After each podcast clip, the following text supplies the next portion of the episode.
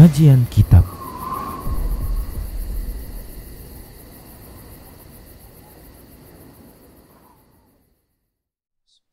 Cek cek. Assalamualaikum warahmatullahi wabarakatuh. Innal hamdalillah nahmaduhu wa nasta'inuhu wa nastaghfiruh wa na'udzu billahi min shururi anfusina wa sayyiati a'malina. Man yahdihillahu fahuwal muhtadi ومن يضلل فلن تجد له وليا مرشدا أشهد أن لا إله إلا الله وحده لا شريك له وأشهد أن محمدا عبده ورسوله الذي لا نبي بعده وقال الله سبحانه وتعالى يا أيها الذين آمنوا اتقوا الله حق تقاته ولا تموتن إلا وأنتم مسلمون يا أيها الذين آمنوا اتقوا الله وقولوا قولا سديدا يصلح لكم أعمالكم ويغفر لكم ذنوبكم ومن يطع الله ورسوله فقد فاز فوزا عظيما يا أيها الناس اتقوا ربكم الذي خلقكم من نفس واحدة وخلق منها زوجها وبث منهما رجالا كثيرا ونساء واتقوا الله الذي تساءلون به والأرحام. إن الله كان عليكم رقيبا. أما بعد نستقى الحديث كتاب الله وخير الهدي هدي محمد صلى الله عليه وسلم وشر الأمور محدثاتها وكل محدثة بدعة وكل بدعة ضلالة وكل ضلالة في النار. إخوتي في الدين wa akhwat rahimani Allahu wa iyyakum. E, di kajian lalu kita telah membahas hadis yang diriwayatkan dari Abil Aliyah yang isinya diperintahkan Rasulullah memerintahkan kita untuk teliti dalam setiap akad termasuk perjanjian terhadap pembantu, perjanjian terhadap pegawai kita, perjanjian terhadap orang-orang yang ada di bawah kita. Jika memang di sana ada sewa menyewa ataupun ada pekerjaan yang harus kita bayar untuk si pekerjanya. Hendaklah sebelum dimulai semuanya itu harus diperjelas dengan sejelas-jelasnya apa haknya dan apa kewajibannya sehingga tidak menimbulkan pertengkaran silang sengketa di kemudian hari. Kemudian ikhwatiddin bab berikutnya babu adabil khadim. Bab adab seorang khadim yaitu pembantu. An Yazid bin Abdullah bin Qusaid. Dari Yazid bin Abdullah dari Yazid an Abdullah bin Qusaid dari Abdullah bin Qusaid qala dia berkata Arsala Abdullah ibnu Umar gulaman lahu bidhahabin au biwariqin. Abdullah bin Umar mengirim mengutus pembantunya untuk membawa uh, benda berupa emas atau perak. Fasarafahu. Fasarafahu ini lantas dia putar emas tersebut. Sarafahu ini ikhafiddin menukarkan emas dengan uh, dengan emas atau emas dengan perak. Itu namanya sorf. Kalau dia terkait dengan uang kartal, sorf ini tukar uang 100 selembar dengan uang 2 ribuan berapa? 50 lembar. Itulah lebih kurang. Itu sorf namanya. Nukar uang. Ya, nukar uang. Hanya saja dahulu uangnya kan berbentuk berupa emas ataupun perak. Jadi dia menukar dinar ke dirham atau dirham ke dinar atau emas ke emas atau uh, atau perak ke perak. Itulah yang dia lakukan. Fa'anzaro. Lantas dia melakukan penundaan bayaran. Misalnya kita misalnya kita mau tukar emas dengan emas atau emas dengan perak. Sekarang kita beri, besok kita ambil tukarannya. Itu dia. Atau misalnya kita tukar uang sejuta dengan uang lima ribu lima ribu. Kita kasih orang tersebut satu juta, kita katakan besok yang lima ribu lima ribunya, lembaran lima ribu saya ambil. Ini namanya dia menukar uang fa'andaro dan menunda dalam pengambilan barang tukaran tersebut. Fa'andaro bisarfi. Faraja ilaihi. Lantas pembantunya Abdullah bin Umar ini pulang. Jadi dia diamanahkan untuk membawa uh, emas ataupun perak tapi dia olah emas dan perak ini untuk mendapatkan keuntungan atau apalah yang dia inginkan. Ya. Fa'andara sarfi sementara hasilnya hasil tukaran itu besok baru dia ambil. Karena di sini akan ada keuntungan, Khafiddin. Makanya si gulam melakukan itu ataupun si pembantu ini melakukan hal itu. Sama seperti ini. Uh, apa namanya? antum disuruh oleh majikan antum untuk membayar cash kepada klien ataupun customer sebanyak 500 juta. Ya, kirim. Ini dia uangnya. Tapi apa yang antum lakukan? Antum setor dulu ke bank misalnya. Setor dulu ke bank. Kemudian sebulan kemudian baru dikasih. Otomatis kalau disetor ke bank didiamkan sebulan, ada keuntungan. Dua setengah persen dari 500 juta, berapa tuh? Sekitar gitulah. Ya, itulah di antara tujuannya.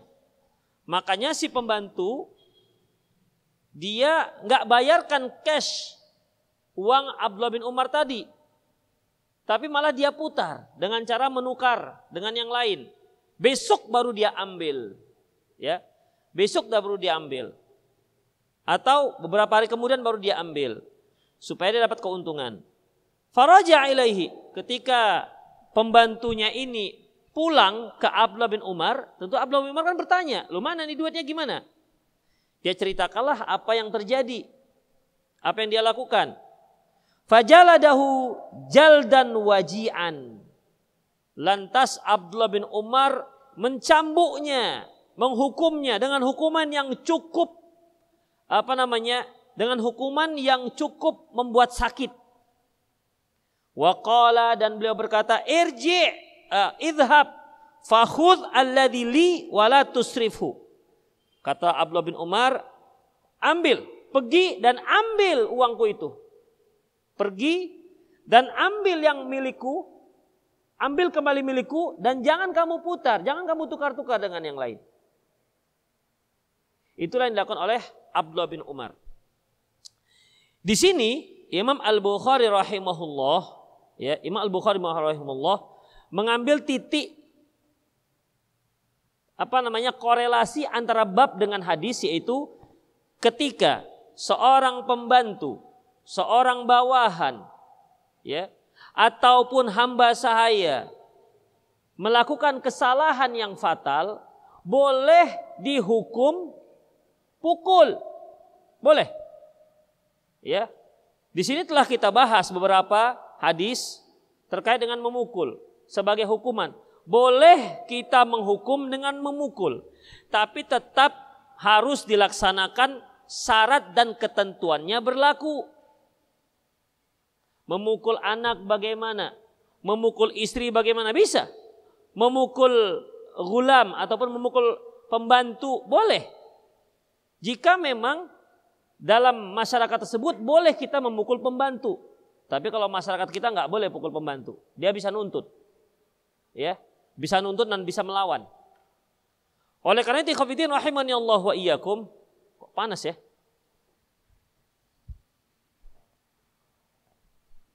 Nggak bisa hidup. Hah? Oh.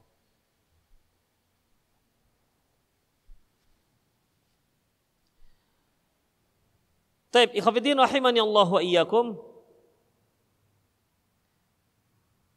Jadi boleh dihukum ya dengan hukuman pukul tapi hukuman pukul bukan yang pertama. Itu yang atas itu nggak dihidupkan. Hidupkan yang atas.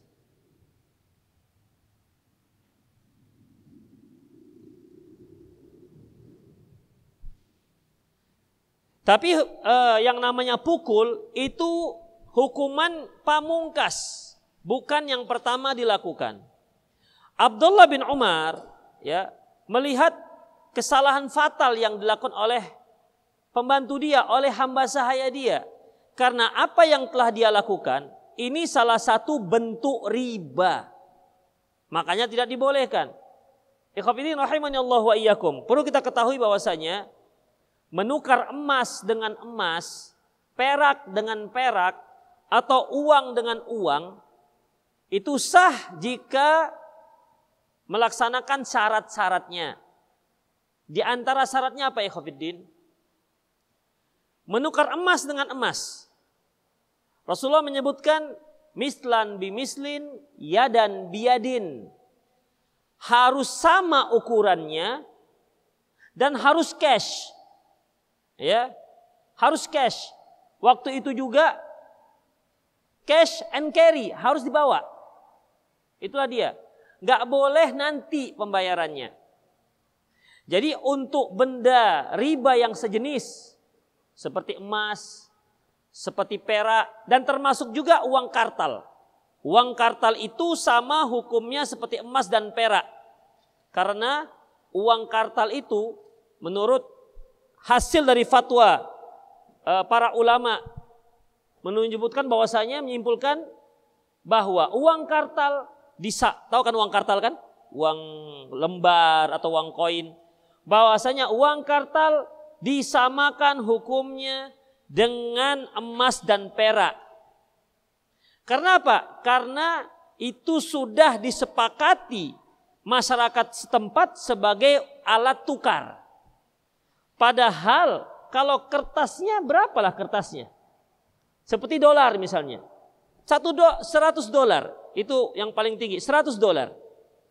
100 dolar itu harganya sekarang kalau 14 ribu berarti 1 juta 400 100 dolar. Ya kan? 1 juta 400. Apakah kertas segitu harganya 1 juta 400? Kita katakan tidak. Tapi karena sudah menjadi kesepakatan masyarakat uang itu menjadi alat tukar dan sudah dipercaya benda tersebut sebagai alat tukar maka hukumnya sama seperti emas dan perak. Lah dia. Taib. Antum misalnya mau beli HP saya. Atau saya mau beli HP antum. Berapa ini antum jual? Satu juta. Kemudian satu juta itu HP. Antum tukar, saya tukar dengan kertas-kertas. Kertas-kertas merah yang ada angkanya. Itulah uang. Percaya nggak antum? Percaya? Enggak. Astagfirullah. Jadi nggak laku uang itu. Antum punya HP, harga 3 juta. Saya tukarkan dengan kertas uang-uang kertas. Percaya dengan uang kertas ini? Hah? Percaya kan? Kenapa? Karena sudah disepakati harga uang kertas itu 3 juta. Per lembarnya 100 ribu.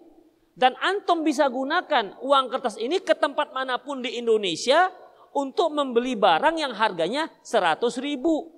Padahal uang kertas itu sendiri, kertasnya saja berapa lah.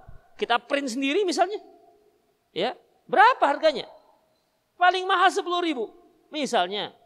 Tapi karena kita sudah sepakat, Kita sudah sepakat harga barang yang sekian juta kita tukar dengan kertas-kertas. Oleh karena itu para ulama ya, para ulama bersepakat bahwasanya uang kartal sama hukumnya seperti emas dan perak. Baik, saya scanlah uang 100 ribu dengan sekian megapiksel. Saya ambil kertas, saya print Persis sama seperti itu.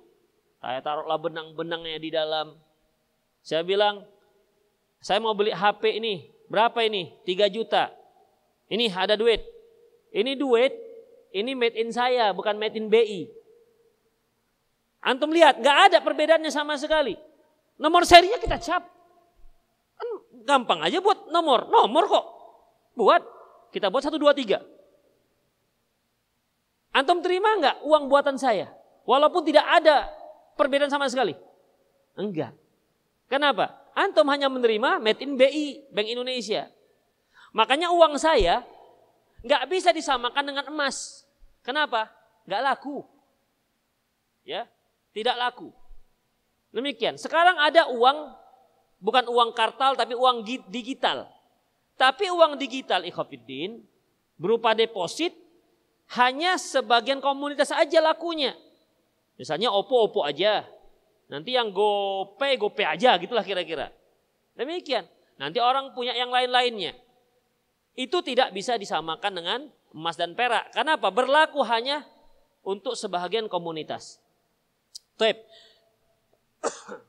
Ketika kita jual beli emas, maka syaratnya harus timbangannya sama dan harus cash. Jadi cash and carry.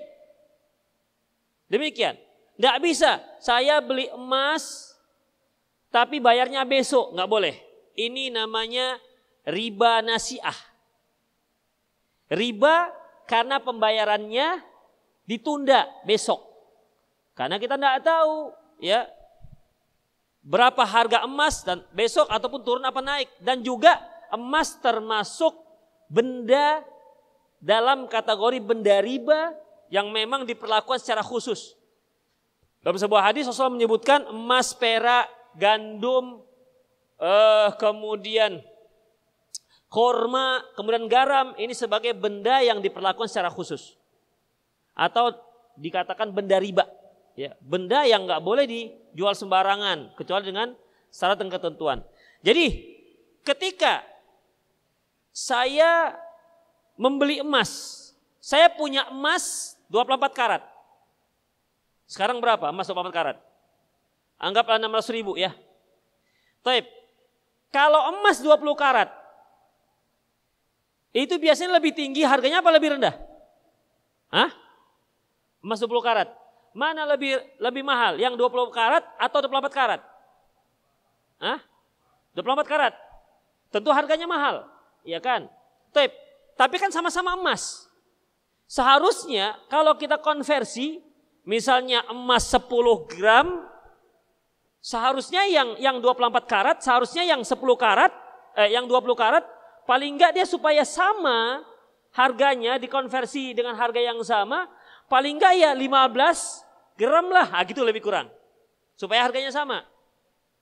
Karena sama-sama emas, walaupun kualitasnya nggak sama, ya, maka tetap harus 24 karat ditukar dengan 20 karat harus sama gramnya. Kalau tidak riba. Taip, yang rugi siapa ini?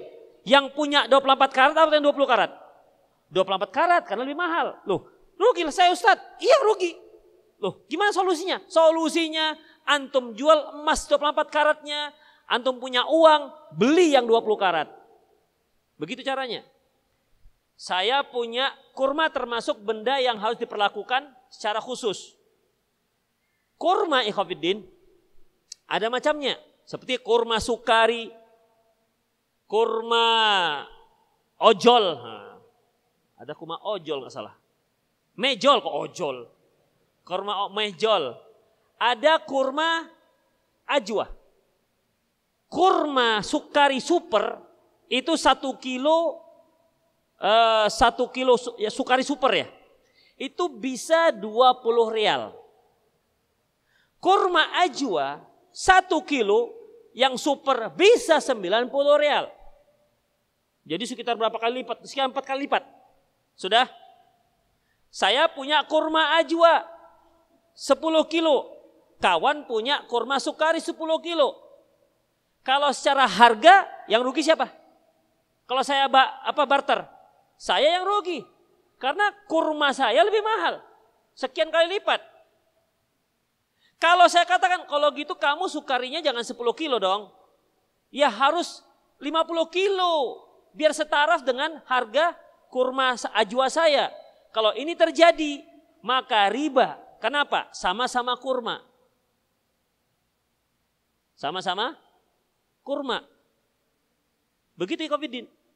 Terus rugi dong saya. Kalau memang kepingin kurma sukari, jual kurma ajwa, kemudian uangnya belikan ke kurma sukari. Itu baru sah.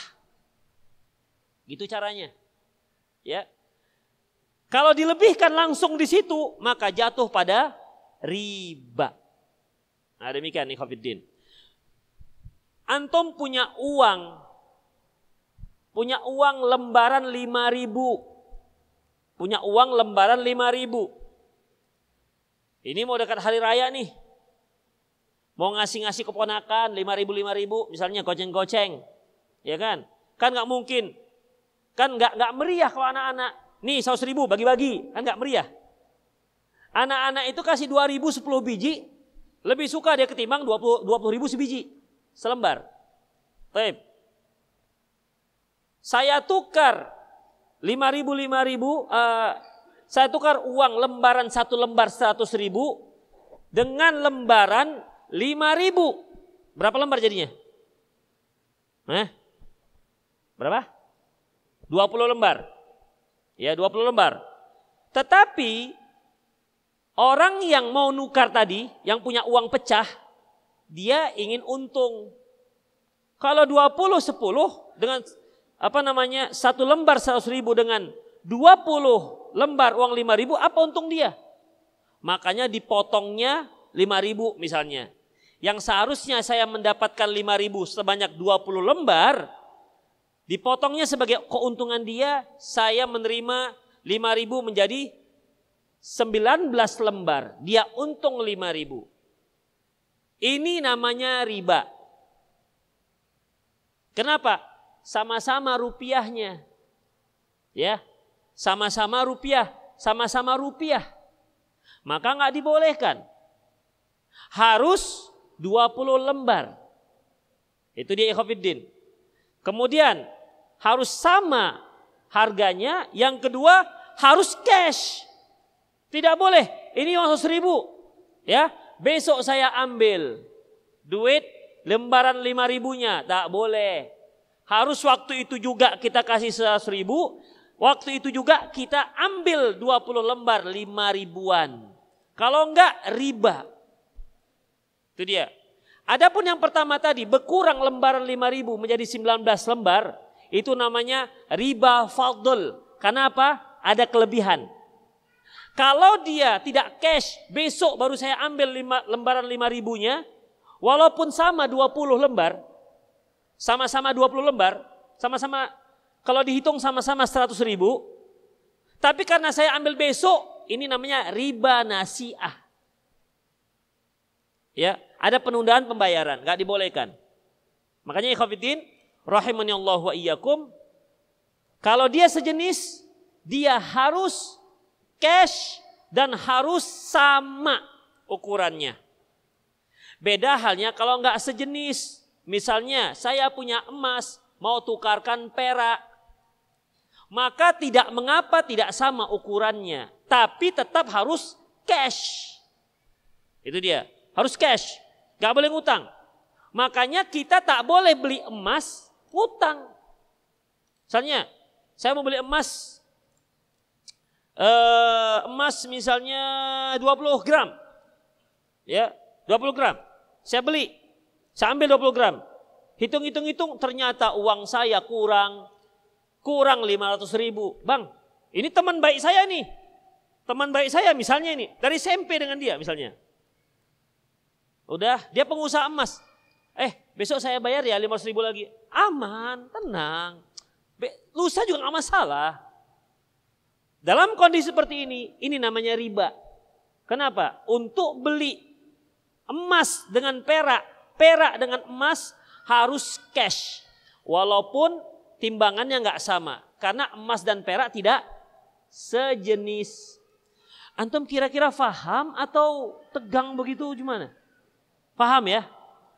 Jadi gini, kalau dia sejenis emas dengan emas tukarnya. Ingat, walaupun kualitasnya beda. Perak dengan perak, walaupun kualitasnya beda. Maka harus sama timbangannya. Seperti yang saya katakan tadi, tukar kurma dengan kurma. Selama dia sama-sama kurma, maka walaupun yang ini mahal, ini murah, harus sama timbangannya. Harus sama timbangannya. Tapi kalau antum mau tukar yang lain, terserah yang tidak sejenis. Misalnya, antum beli emas dengan kurma misalnya. Ya, nggak apa-apa timbangannya. Dia beli emas dengan kurma, emasnya hanya 10 gram, kurmanya 3 ton misalnya begitu kejadiannya. Ya, nggak masalah karena lain jenis. Kalau dia sudah jalan jenis, syarat pertamanya yaitu harus cash. Ya, walaupun berbeda. Demikian ikhwafiddin.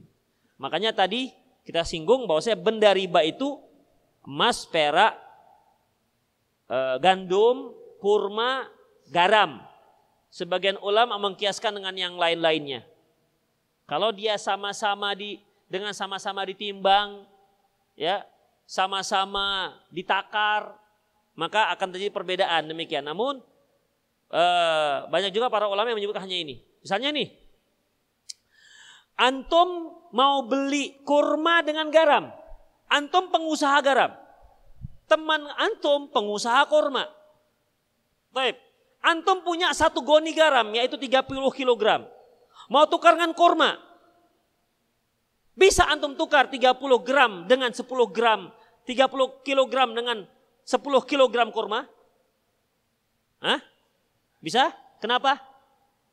Gak sejenis. Ya, karena tidak sejenis. Demikian. Tapi syaratnya apa? Cash. Nah, demikian. Ya, syaratnya cash. Saya tanya lagi. Saya punya rupiah satu juta. Mau saya tukar di money changer dengan uang 100 dolar. Apakah saya hanya boleh Berapa yang harus saya tukar? Apakah juga 100 rupiah dengan 100 dolar harus sama? Kenapa? Karena karena tidak sejenis. Demikian. Jadi rupiah dengan rupiah. Walaupun rupiah yang ada di Medan dengan rupiah yang ada di Papua sama. Ya. Walaupun nanti gambarnya beda. Di sini gambarnya rambut lurus, di sana gambarnya rambut keriting misalnya. Tapi sama-sama uang yang berlaku di sini dan di sana. Tidak masalah. Sama-sama rupiah. Dia harus harus sama nilainya dan harus cash. Tapi kalau sudah beda jenis, rupiah dengan rupiah Pakistan misalnya. Rupiah dengan dolar Amerika. Rupiah dengan rial Saudi Arabia. Rupiah dengan dinar Kuwait misalnya. Ya, maka karena dia tak sejenis, boleh ada perbedaan perbedaan nilai. Tapi syaratnya apa? Cash. Antum datang ke money changer, mau beli 100 dolar. Berapa mas 100 dolar? 100 dolar 14 ri, uh, 1 juta 450 ribu. Oke, ini dia duitnya. Tapi yang 100 dolarnya besok saya ambil ya. Boleh? Hah? Gak boleh. Harus diambil sekarang. Itulah ikhafidin rahimani Allahu wa iyyakum. Antum punya duit, rupiah. Di depan antum ada pengusaha durian. Antum kasih uang 100 ribu, duriannya diambil besok, boleh nggak? Hah. Ulangi ya, saya ulangi. Antum punya uang. Atau biar agak rumit sedikit pertanyaannya. Punya emas. Emas antum satu gram Satu gram berarti sekitar 600 ribu. Antum mau beli durian dengan emas yang satu gram ini. Ini saya dapat ada emas satu, satu gram. Saya mau tukar dengan durian. Berapa durian bisa? Oh bisa nih pak, setengah pick up misalnya.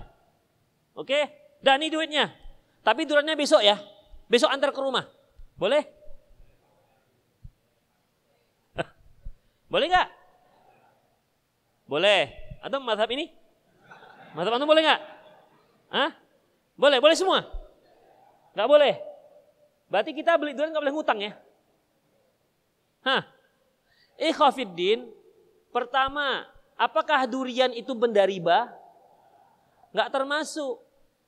Kemudian cara penakaran juga beda. Kalau emas dengan gram, durian per gram. Apa? Per buah. Beda dia. Makanya kalau yang satu ditimbang, yang satu ditakar, silakan. Mau perbeda, mau dia hutang nggak ada masalah. Yang penting ketika hutang dibayar, itu aja lah. Nah demikian ikhwafiddin. Jadi inilah yang terjadi dalam kisah hadis ini. Di mana Abdullah bin Umar mengirim pembantunya, ya, mengirim pembantunya uh, untuk memberikan apa namanya berupa emas. Emas ini ditukarnya ke perak supaya dapat untung. Tapi nggak cash. Besok atau lusa baru dia ambil. Ketika Abdullah bin Umar tahu, dia hukum pembantunya ini. Ya, lantas kata beliau, pergi dan ambil itu emas. Pulangkan itu emas. Karena apa ya Tidak boleh penukaran emas ya dengan cara kredit atau dengan cara penundaan hutang. Harus cash. Itu Ikhwafiddin. Jadi kita simpulkan bahwasanya benda riba itu ada lima. Adapun yang lain-lainnya ada khilafiyah para ulama. Kalau yang sejenis, kalau dia sejenis, apa aturan pertama? Harus sama ukurannya. Harus sama ukurannya. Beratnya, kalau dia di berat, beratnya harus sama. Kalau dia ditakar, takarnya harus sama. Karena dahulu kan jual kurma bukan pakai berat. Ya kan? Pakai takar. Kalau takarnya harus sama takarannya. Walaupun kualitas benda yang dibarter itu berbeda. Dah, harus sama. Yang kedua harus cash. Kalau dia tidak sejenis, kalau dia tidak sejenis, boleh berbeda ukuran. Boleh berbeda timbangan. Tapi syaratnya harus cash. Itu ikhwafiddin rahimani Allah wa iyyakum. Hanya nanti para ulama mengkiaskan bagaimana kalau tukar benda sama-sama ditimbang. Dia sejenis namun satu ditimbang, satu ditakar. Misalnya nih, antum pernah beli Eh, kacang tanah yang mentah pernah. Antum belinya gimana? Per kilo atau ditakar? Hah? Per kilo. Antum punya kacang tanah mentah. Teman antum punya kacang tanah rebus. Jual kacang tanah rebus di kilo atau ditakar? Takar. Takar ya. Ketika mentah belinya per kilo, ketika sudah direbus belinya per pertakar. Boleh ditukar ini? Antum mikir lah ya. Pikirkan itu. Dia sama-sama kacang, sama-sama kacang tanah. Tapi beda perlakuan jual belinya sebelum apa namanya? sebelum direbus, sebelum dimasak dengan setelah dimasak. Satu lagi. Antum punya durian, atau telur. Telur di Medan dijual per biji, per butir. Telur di Jawa jualnya per kilo. Itu gimana? Pikirkanlah itu.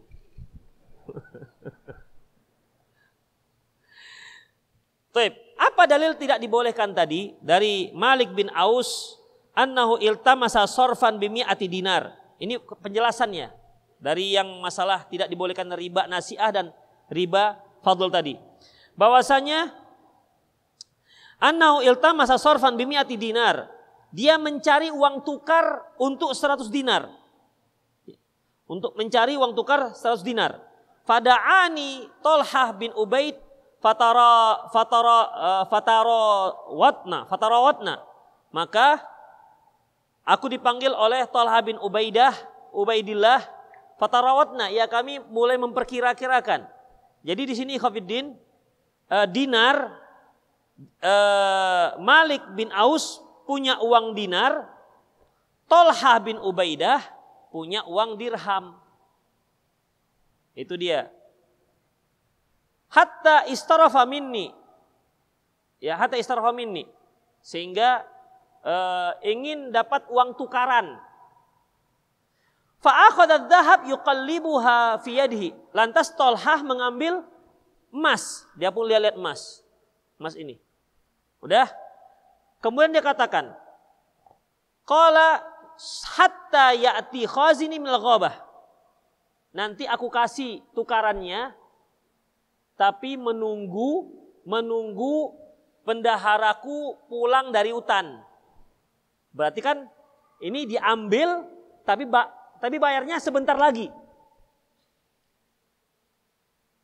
Wa Umar yasma'u dzalik. Ternyata bisnis mereka ini didengar oleh Umar. Apa kata Umar? Wallahi la tufariqu hatta ta'khudh minhu.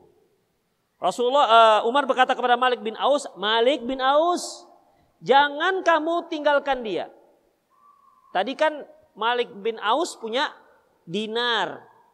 Mau ditukar oleh Tolhah. Dinar sudah dipegang oleh Tolhah. Tapi Tolhah belum memberikan tukarannya.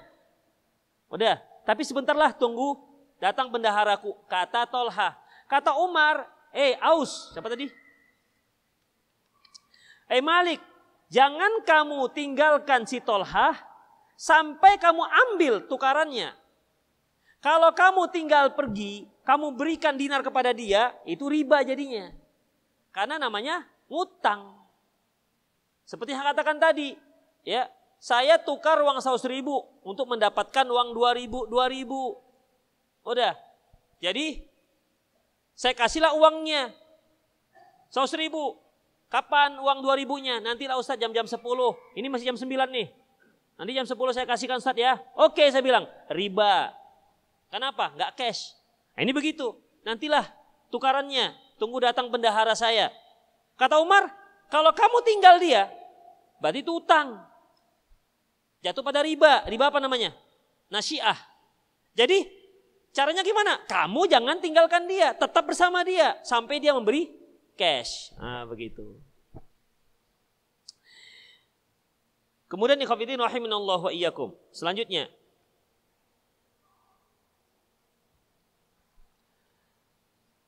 Hadis berikutnya jadi intinya bahwasanya kalau Imam Al-Bukhari beliau berdalilkan dengan hadis ini bukan terkait dengan uh, hukum berdagang, tetapi terkait dengan bolehnya menghukum pembantu dengan pukul.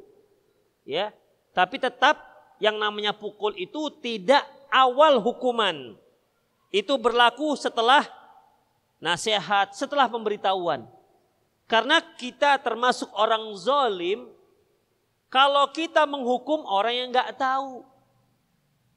Ya, misalnya ini, kita suruh kita suruh pembantu kita, Mbak, tolong tukarkanlah uang 200 uang uang 500 ribu saya ini dengan uang 5 55 ribu lembar. Oh iya, iya, Besok saya tukar. Pergilah dia ke tempat tukang tukar yang lima ribu lima ribu. Dia nego dengan yang tukang tukar. Kata tukang tukar, bolehlah mbak, tapi setiap satu ribu saya potong dua ribu ya mbak. Dia nggak tahu itu nggak boleh. Oh ya nggak apa-apa bang, nggak apa-apa, no problem, gitu. No problem, tapi nggak tahu dia. No problem, never mind katanya begitu. Oke, okay. dibawa pulang. Gimana mbak?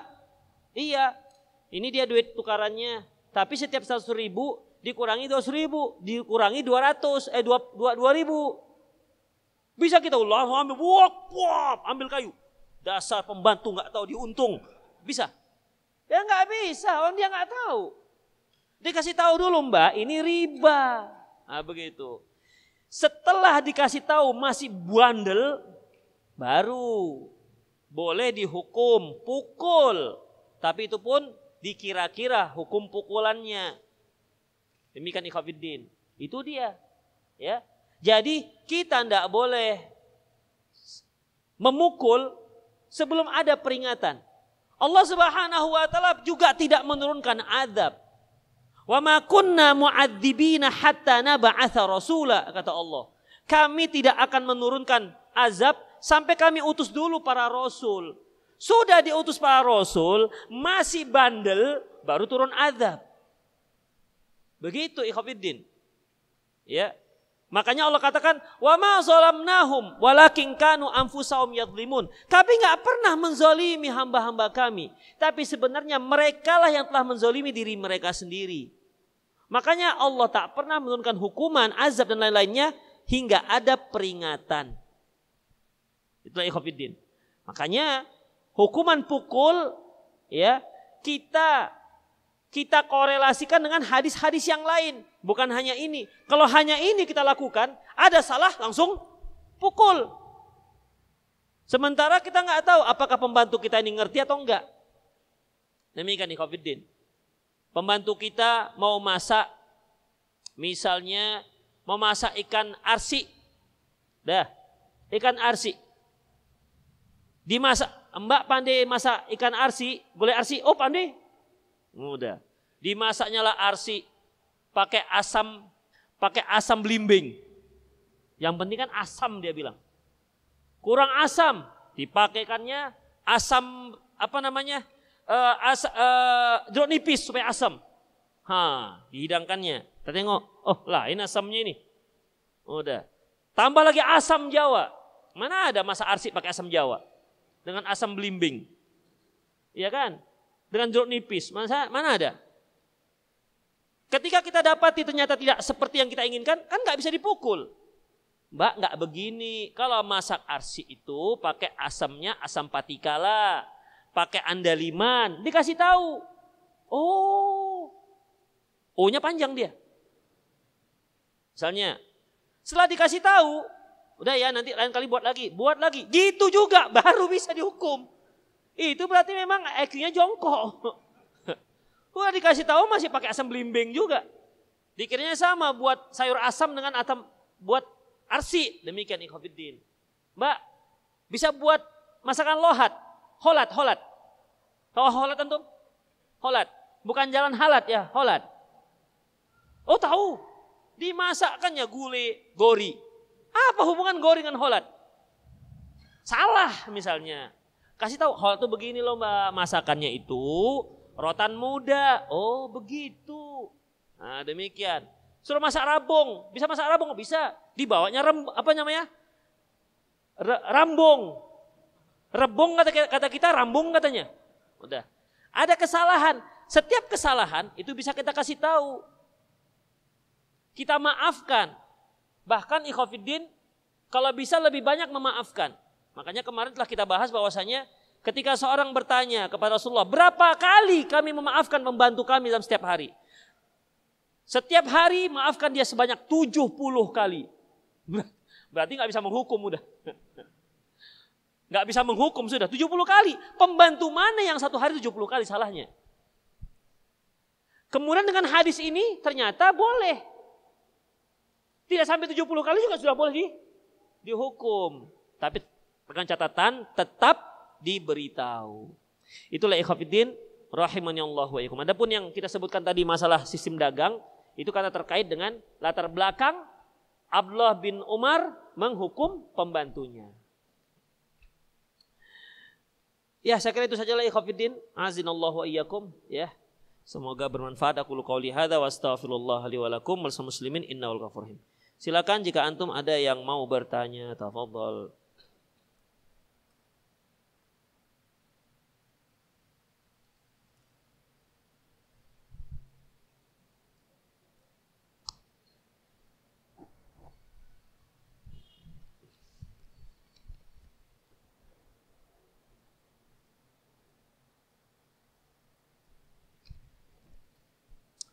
Ustadz saya pernah beli tiket seminar MLM.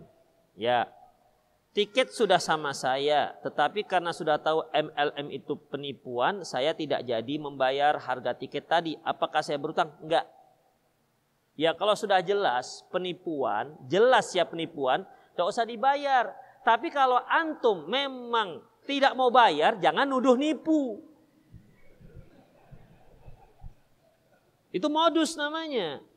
Ini penipuan ini, nggak mau ku bayar. Begitu. Jadi kalau memang dia pastikan memang penipuan, silahkan gak usah bayar. Tapi ingat, kalau memang jelas, kalau antum nggak mau bayar, jangan tuduh dia penipu. Nggak boleh.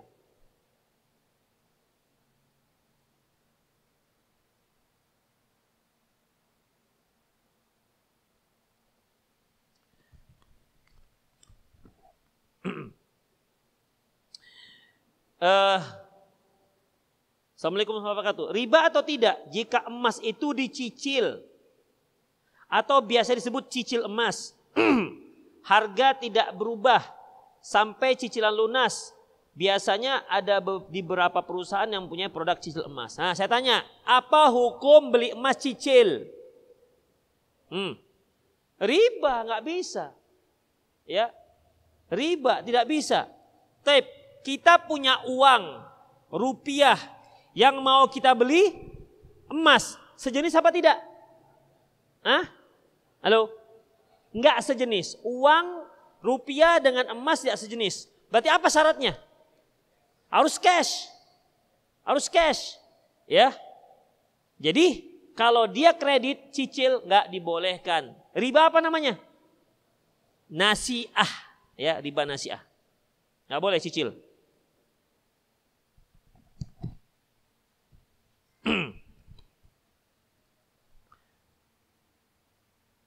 Bagaimana hukumnya ada beasiswa sholat tahajud?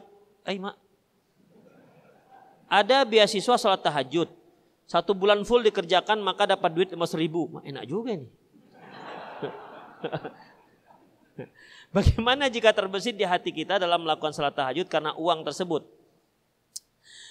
Uh, Ikhafiddin, uh, ini kembali kepada orang yang apa namanya Pertama kembali kepada orang si donatur. Donatur ini bisa saja dia memberikan uang itu untuk para murid agar membiasakan mereka ya melaksanakan sholat tahajud. Dibolehkan. Ya, dibolehkan.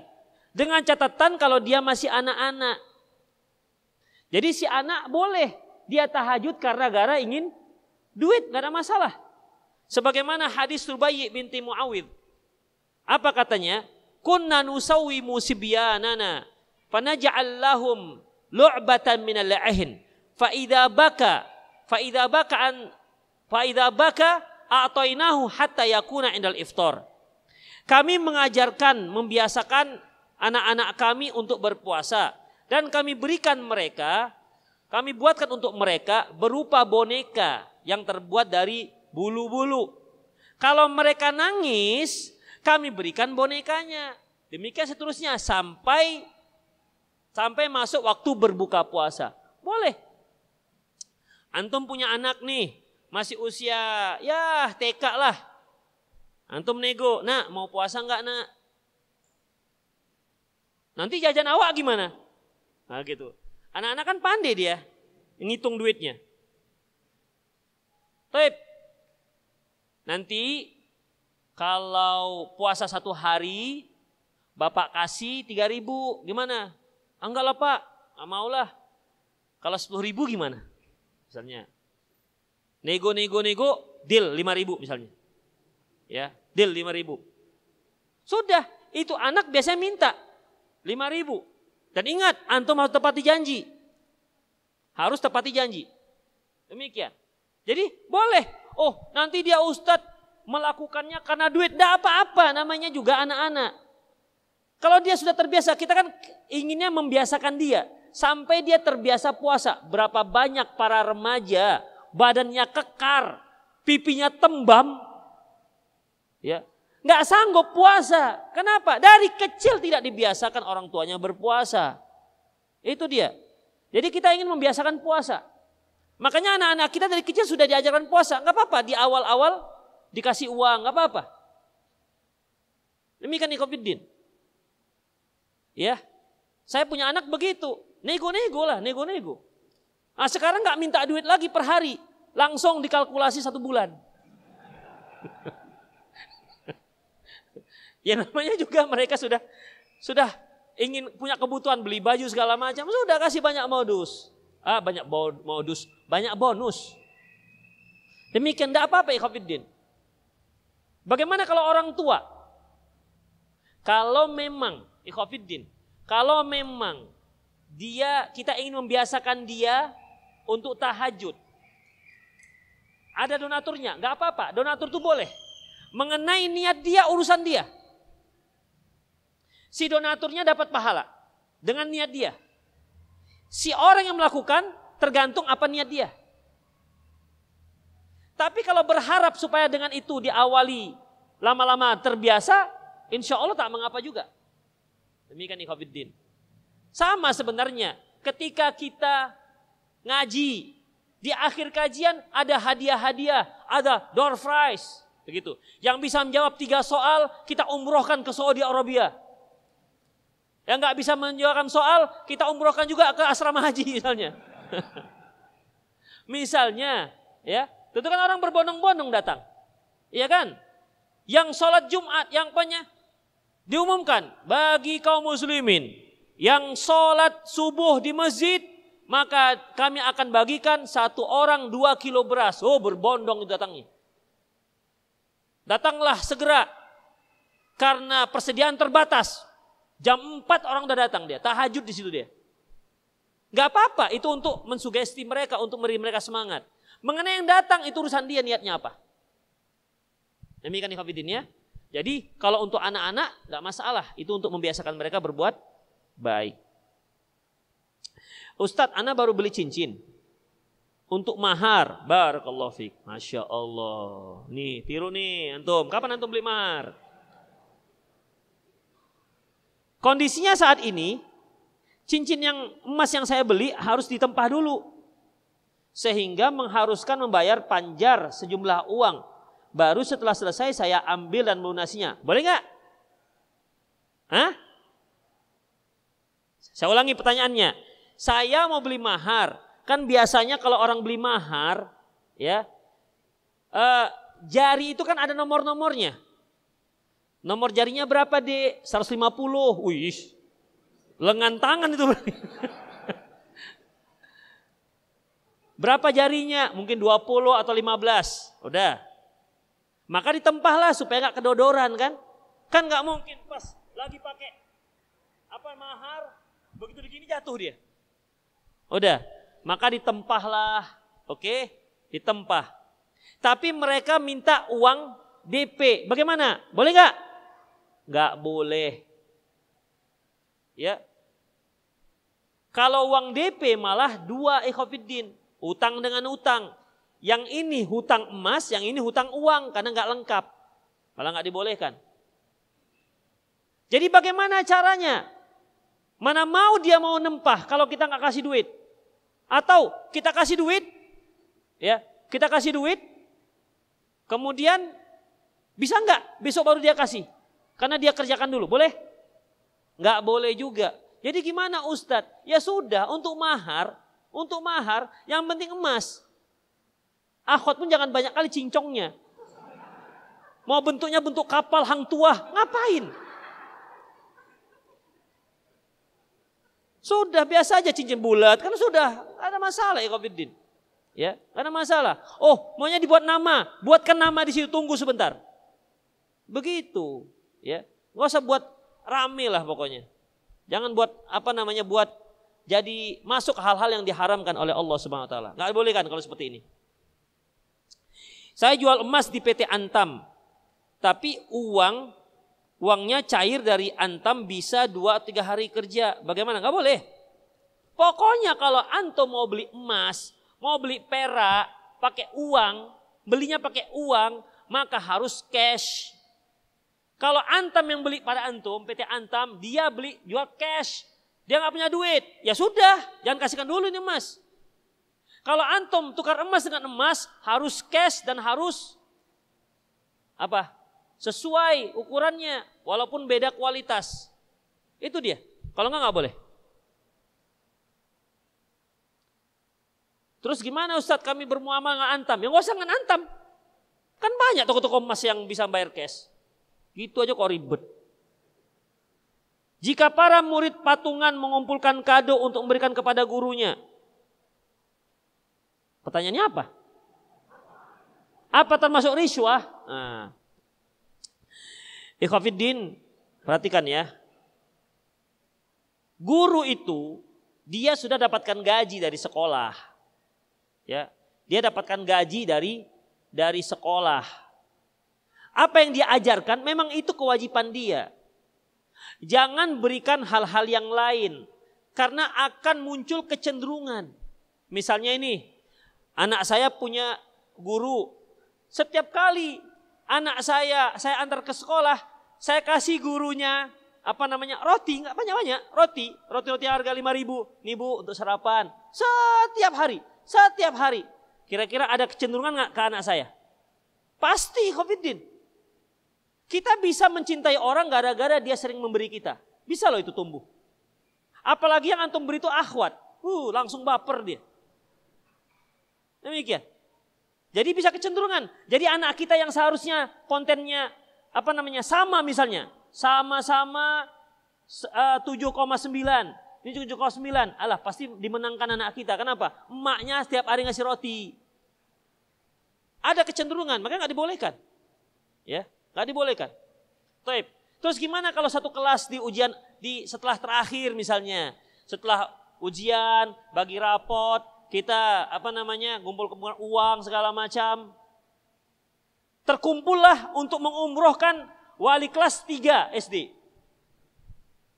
Ternyata yang di kelas 3 SD kaya-kaya orangnya. Yang kelas 4 miskin-miskin, bokek-bokek orang tuanya. Jangankan ngasihkan umroh, beri roti bantalnya nggak sanggup. Misalnya, kan jadi masalah dengan yang lain kan?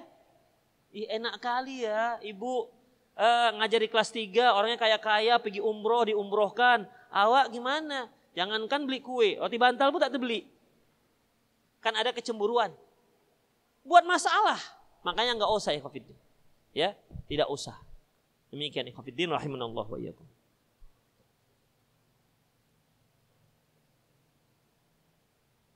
Ustadz,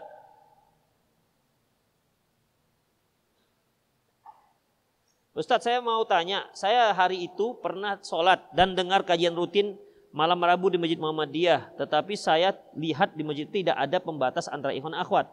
Bisa nampak satu dengan lain ketika sholat maupun pas ceramah. Pertanyaan saya, bolehkah seperti itu? Gak ada masalah ya Covid Ya, gak ada masalah.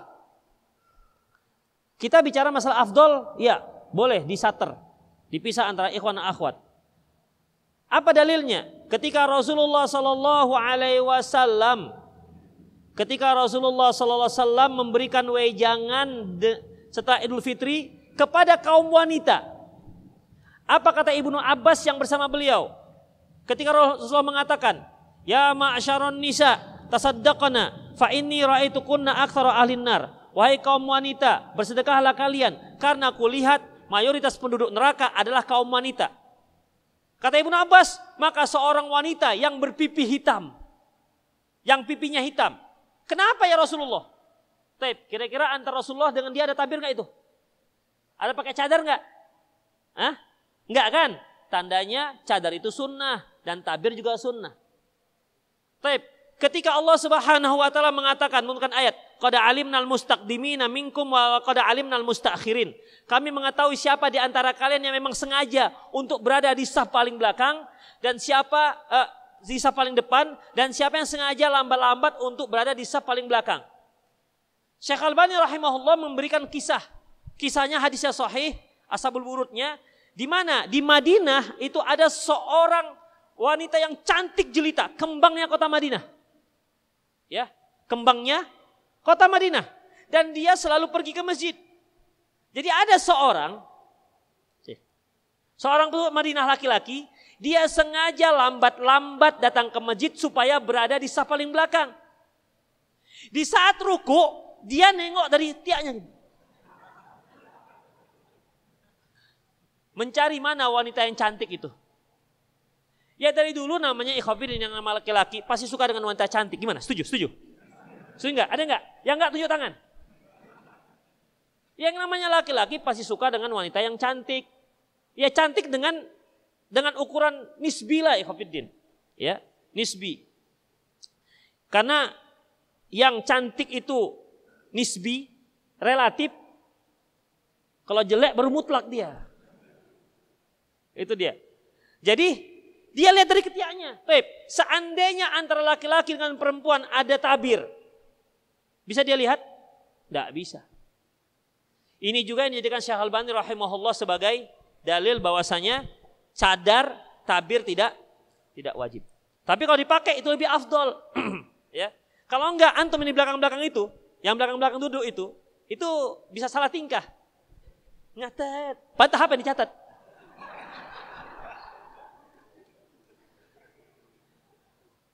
Nanti lomba-lomba nanya, Ustadz, nanya Ustadz. Nama saya, saya nggak tanya nama. Baik, demikian ikhwafiddin.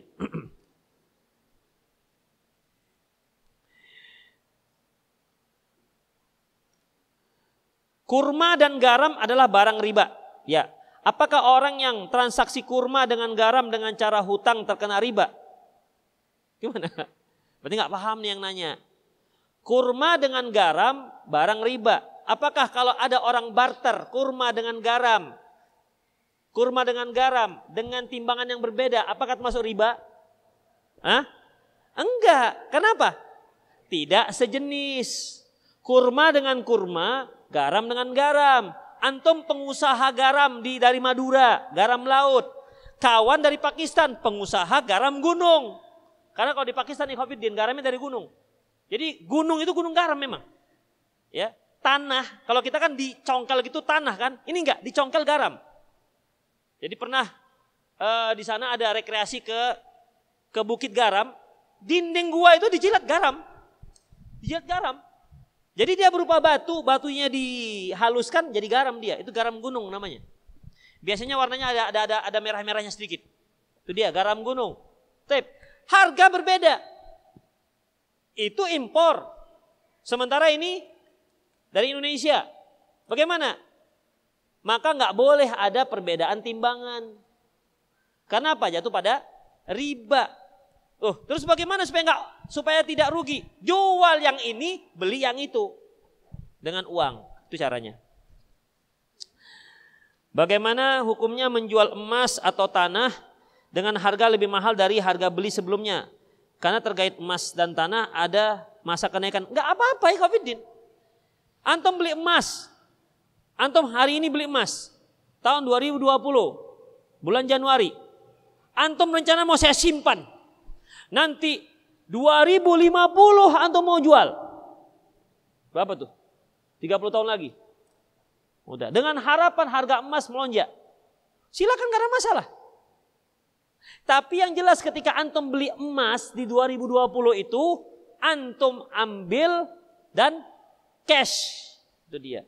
Nanti ketika naik harga emas antum jual juga sama. Sama caranya. Jual ya dan biadin ya cash. Boleh. Antum beli tanah sekarang dengan maksud investasi. Nanti kalau sudah naik harga tanah baru antum jual. Boleh? Boleh nggak ada masalah. Ya, nggak ada masalah. Yang tidak dibolehkan al-idkhar, artinya menimbun. Menimbun barang. Misalnya ini. Uh, antum sebagai pengusaha durian. Ini misalnya, misal. Antum borong semua durian yang ada di kota Medan. Lantas penduduk kota Medan pun kecarian durian. Sehingga satu durian bisa dihargakan 150 ribu. Sementara gudang antum penuh dengan durian. Gara-gara antum menstok, membeli semua durian, naik harga durian. Maka nggak dibolehkan. Kenapa? Gara-gara ulah antum naik harga durian. Tapi jangan antum praktekkan ini. Antum pasti rugi. Kenapa? Orang nggak makan durian nggak apa-apa. Dan kalau antum stok durian, tiga hari belah dia. Ini sebuah contoh. Biasanya ini dilakukan bahan makanan pokok. Ya. Kan sempat pernah langkanya gula. Dibeli oleh orang, gula. Sehingga langka gula. Sementara masyarakat butuh gula. Naiklah harga gula gara-gara antum timbun. Udah berdosa, nggak boleh. Tetapi kalau antum membeli misalnya membeli cabai di saat panen, panen raya, cabai kan murah tuh. Udah, antum beli. Antum beli di saat nanti 10 uh, eh, apa namanya mendekati Ramadan, harga cabai naik, antum keluarkan, silakan, gak ada masalah. Ya. Karena ketika kita borong itu tidak tidak merusak harga. Kita hanya menunggu harganya naik. Oleh pas musim raya tomat, jangankan harganya murah, suruh petik sendiri pun. Saking murahnya, antum beli. Dengan harapan sebulan kemudian harga tomat naik, antum jual, bisa? Bisa? Antum nyimpan tomat sebulan. Hah? Nyimpan tomat sebulan. Antum bakal rugi kalau tomat. Kalau cabai masih bisa. Dengan cara apa? Dikeringkan. Dikeringkan dibuat bubuk. Boleh. Artinya pedagang itu harus tahu. Adapun tomat bisa. Bisa, antum untung. Tapi kenapa? Antum olah menjadi saus. Baru bisa. Saus tomat. Itu dia. Biasanya kan nggak pakai nggak murni saus tomat, campur pepaya. Tanya, ini rahasia ya rahasia.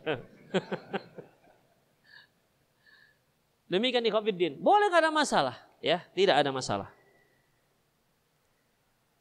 Terakhir, Bila ada seorang minjam uang sebesar 50 ribu pada tahun 1995, maka berapa banyak uang yang mesti dikembalikan jika dia kembalikan tahun 2020? Ya sama, 50 ribu. Apakah harus dikonversi dengan emas?